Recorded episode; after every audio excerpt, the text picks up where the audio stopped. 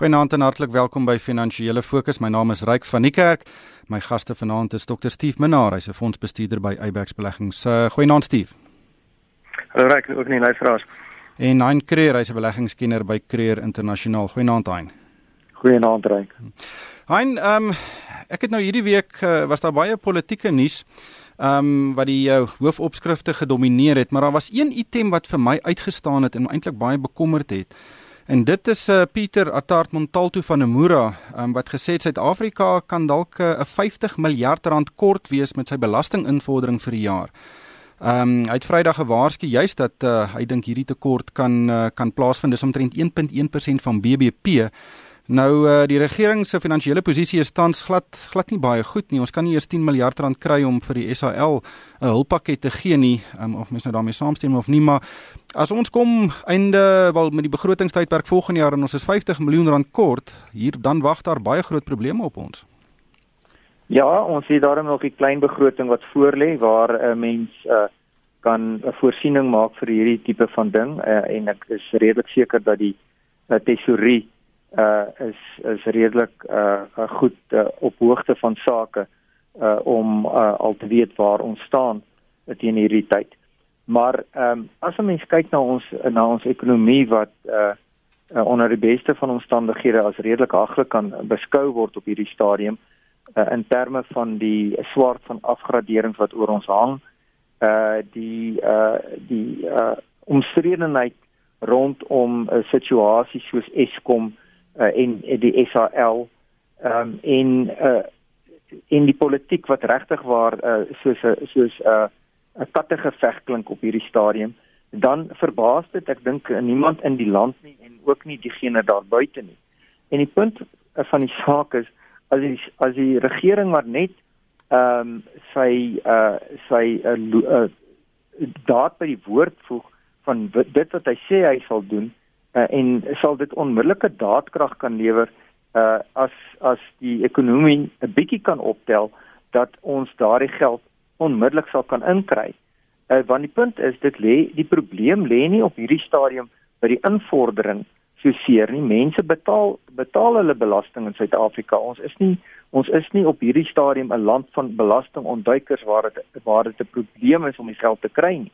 Maar uh as met ander woorde as daar groter hmm. verdienste is by maatskappye uh by die manne in die straat dan sal die geld inkom uh en en, en die probleem is dat die regering uh doen nie sy deel om die ekonomie uh sy gang te laat gaan dat dit gestimuleer kan word ja. en dat dit beter gaan in die land. Steve, een van die ehm um, ekonomiese verhoudings wat ek fyn dophou is die ehm um, skuld staatsskuld tot BBP. Nou tans staan dit op 52% wat so in die middel is van aanvaarbaarheid vir ontleikende lande, maar as die weet natuurlik as ons nie die belasting inkry nie, gaan die, die skuldlas styg en uh hoe nader ons aan 60% kom, hoe groter word die probleem want 60% word gesien as hierdie rooi lyn waar oor ontleikende lande nie sommer moet trap nie. Ja, nee nee, nee dit is inderdaad kom dit en jy weet, ehm um, ek dink as jy die laaste 10 jaar, miskien is dit 11 of 12, maar maar basies daai groot orde het staatsstudering uh, viervoudig toegeneem. Ehm um, die organisasie baie daarvan gegaan vir sosiale dienste, soos nie wenig iets waarmee mense net weet eh, ehm uh, nie sou saamstem nie, maar die staat het eenvoudig uitgegee sonder om te kyk wat wat die inkomste is. En so kan dit nie aangaan nie. En nou het ons natuurlik nou 'n hele paar van die staatsbeheerde maatskappye wat nou ook nie ook nie so goed presteer nie en nou het, het die staat 'n geweldige um, waarborge vir hulle geskryf. Natuurlik weet met daai waarborge hoop hulle hoef nooit pa te staan vir die waarborge nie, maar ongelukkig soos nou met SALC en betref die ander maatskappye. En dan word hulle aangebreek wat hulle nou wel met pa staan vir skuld. So dit um, dit is bietjie kommerwekkend.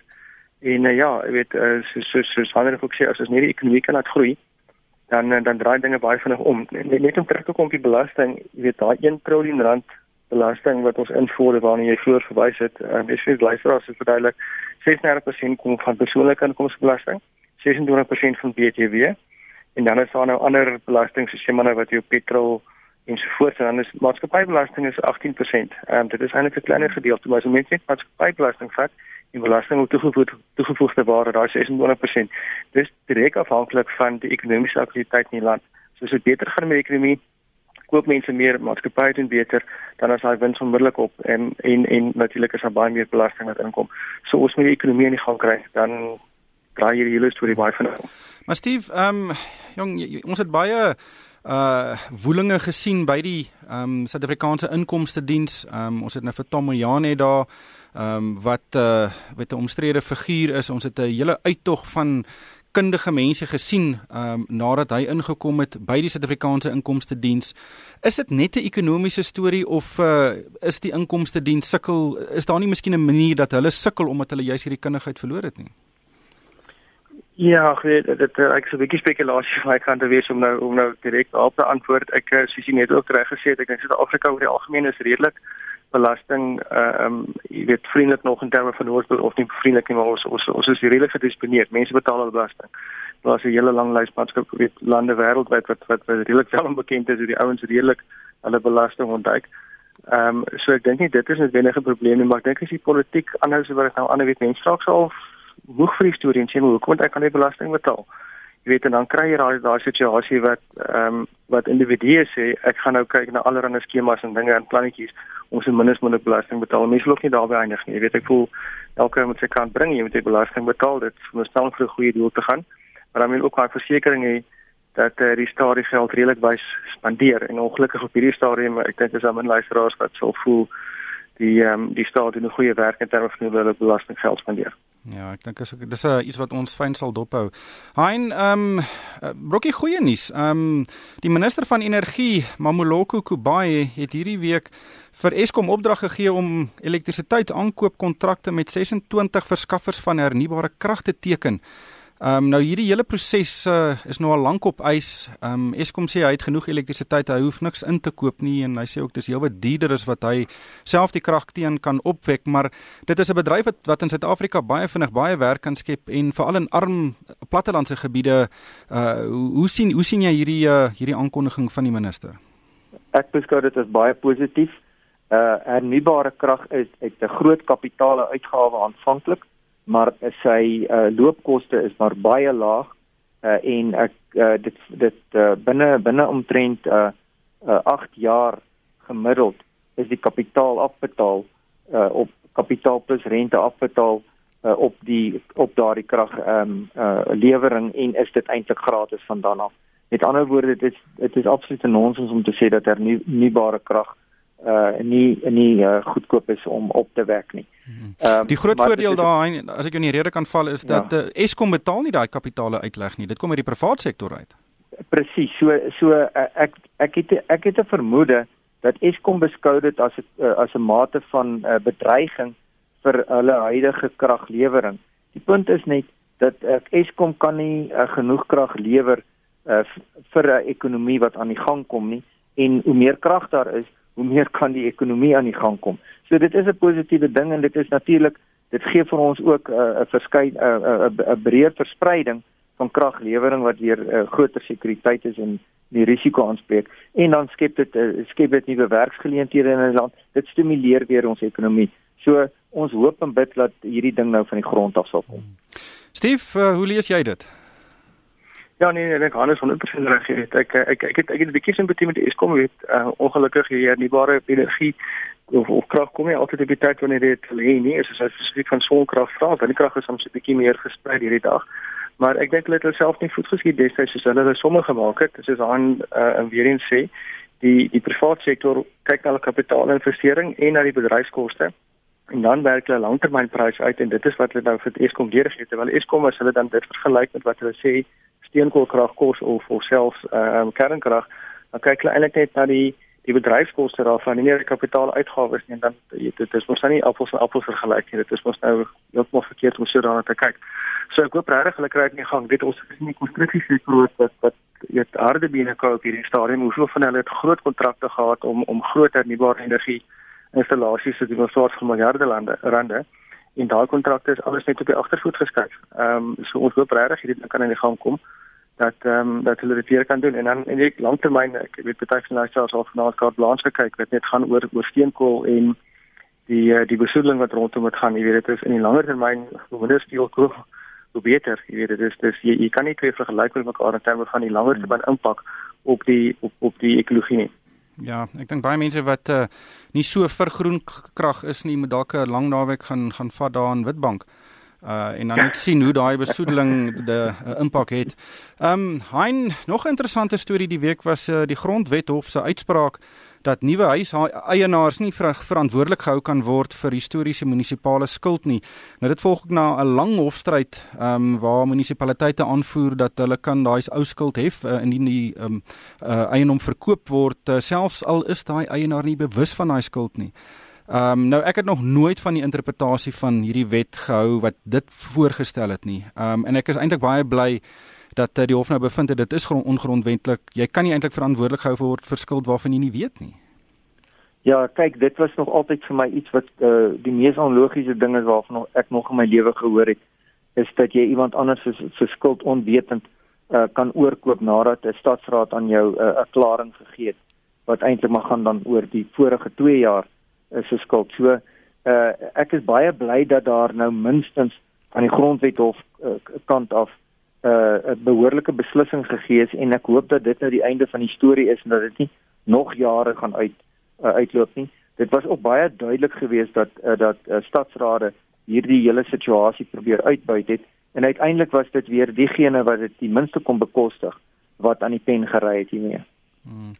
Ja, Steve, weer eens, regeringsbesluit hof toe. Uh dit dit is ja, nou maar wat elke keer gebeur as daar eintlik enigiets nou amper eers onstrede gebeur, almal gaan hof toe.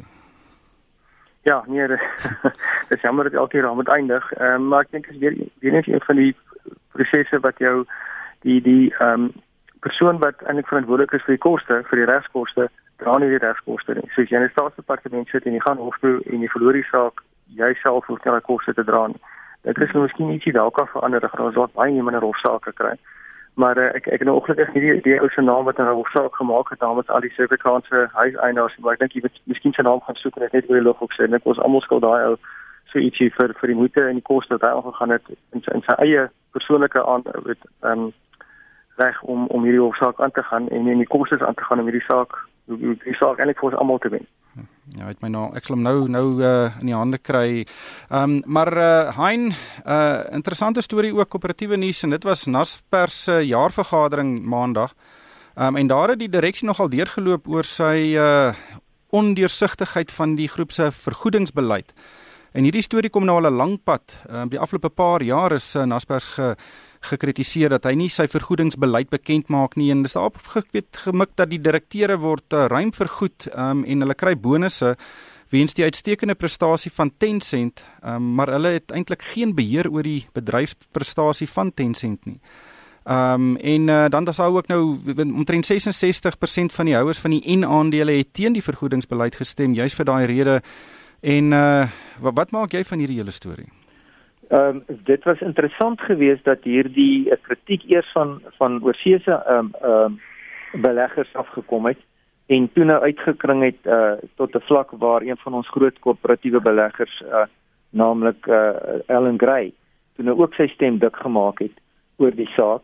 Uh dit was vir my 'n bietjie jammer dat die uh, reaksie van Naspers se kant af vir my so effens arrogant oorgekom het want uh, ek dink dat uh, dit die, die reg is van 'n minderheidsaandeelhouers en veral in hierdie geval die en en aandeelhouers om uh om uh, uh, uh hulle stem te laat hoor en en ek is baie bly dat ons uh, al hoe meer in Suid-Afrika nou behoorlike uh, uh beleggersaktivisme of aandeelhouersaktivisme begin sien. Maar ek dink nie dis die einde van die storie nie. Ek dink hierdie ding gaan waarskynlik nog verder uitkring en uiteindelik sal dit waarskynlik 'n bietjie 'n uh, groter impak hê uh, wat uh, uitloop op bes, uh, op op spesifieke besluite by Naspers. Ja, daar's ook 'n uh, groot weet nie on tevredenheid nie, maar die struktuur van um, Naspers se aandele aandele is daar is twee klasse aandele. Die een het baie stemreg en die ander een het baie waarde as ek dit so kan stel, maar hy het nie so baie stemreg hier die die hoë waarde genoteerde en aandele nie. Ehm um, en Steve, um, dit beteken basies dat die direksie uh, het beheer oor wat daar gebeur en hulle die die stemme om dit sulke dinge deur te voer. En dit is dalk iets wat in die spervuur is van van goeie koöperatiewe uh, bestuursriglyne. Ja, het, ek het eintlik 'n hele 'n hele aand net praat oor hierdie dinge. Ehm um, want as mens vyfer net agteroor sit en sê kom ons kyk na goeie koöperatiewe bestuur, dan moet iets soos soos ehm um, die beheerstrukture is aan die plek daarvoor nie. Aan die ander kant as mens kyk na baie van die groter suksesvolle maatskappye, dis baie keer familiemaatskappye waar daar wel 'n beheerstruktuur in plek was wat 'n baie langer termyn ehm um, uitsig kon geneem het oor die besigheid en nie korttermyn ehm um, besluit hoef te neem vir aandeelhouers wat in en uitkom op 'n daaglikse of weeklikse of vermaaligse basis maar dit is dit, dit is dit is amper ek jy mag nie seker goed sê nie maar dan klink dit as jy nou nie jy weet 'n uh, voorstander vir goeie koöperatiewe bestuur nie. Ehm um, so dit is 'n dis ek dink dis 'n is 'n baie langer debat. Ek dink wat mense nie altyd besef nie is as jy reg oplet die aandele te 1000 keer soveel stemreg as elke een aandeel. So inderdaad die raad bestuur ehm um, kan hulle basies doen wat hulle wil met die besigheid. Ehm um, sover dink ek dat hulle hulle self baie goed gekwyt van hulle taak en ek dink nie as as as minderheidsaandeelhouers soos wat ons almal is, kan enigiemand vir ons kla oor die opbrengs wat ons gekry het nie. Die ander ding wat ek miskien ook net kan sê is mens kyk na baie van die oorsese maatskappye, vir al die Amerikaners is baie lief vir hierdie tipe van beheerstruktuur. Jy weet Amazon, baie van die groot tegnologie maatskappye het sulke beheerstrukture in plek. En waar dit sê begin van die jaar het Snap, ehm um, Snapchat wat genoteer het, is die eerste keer wat so ver gegaan het dat die aandeelhouers op die open mark nie enkele stemreg het nie. Zero, niks. Dis nie die bestuur wat uh, wat eintlik in die einde van die besigheid wat enige stemreg het in daardie geval het eintlik die besigheid redelik swak bestuur en die aandelepryse is nou onder sy reg onder sy uitgifprys. So dis natuurlik nou 'n ander storie. Maar dit is is wêreldwyd is dit nie noodwendig so 'n um, vreemde situasie om 'n uh, verskillende ehm um, stemregte te koppel aan verskillende klas aandele nie. Ja.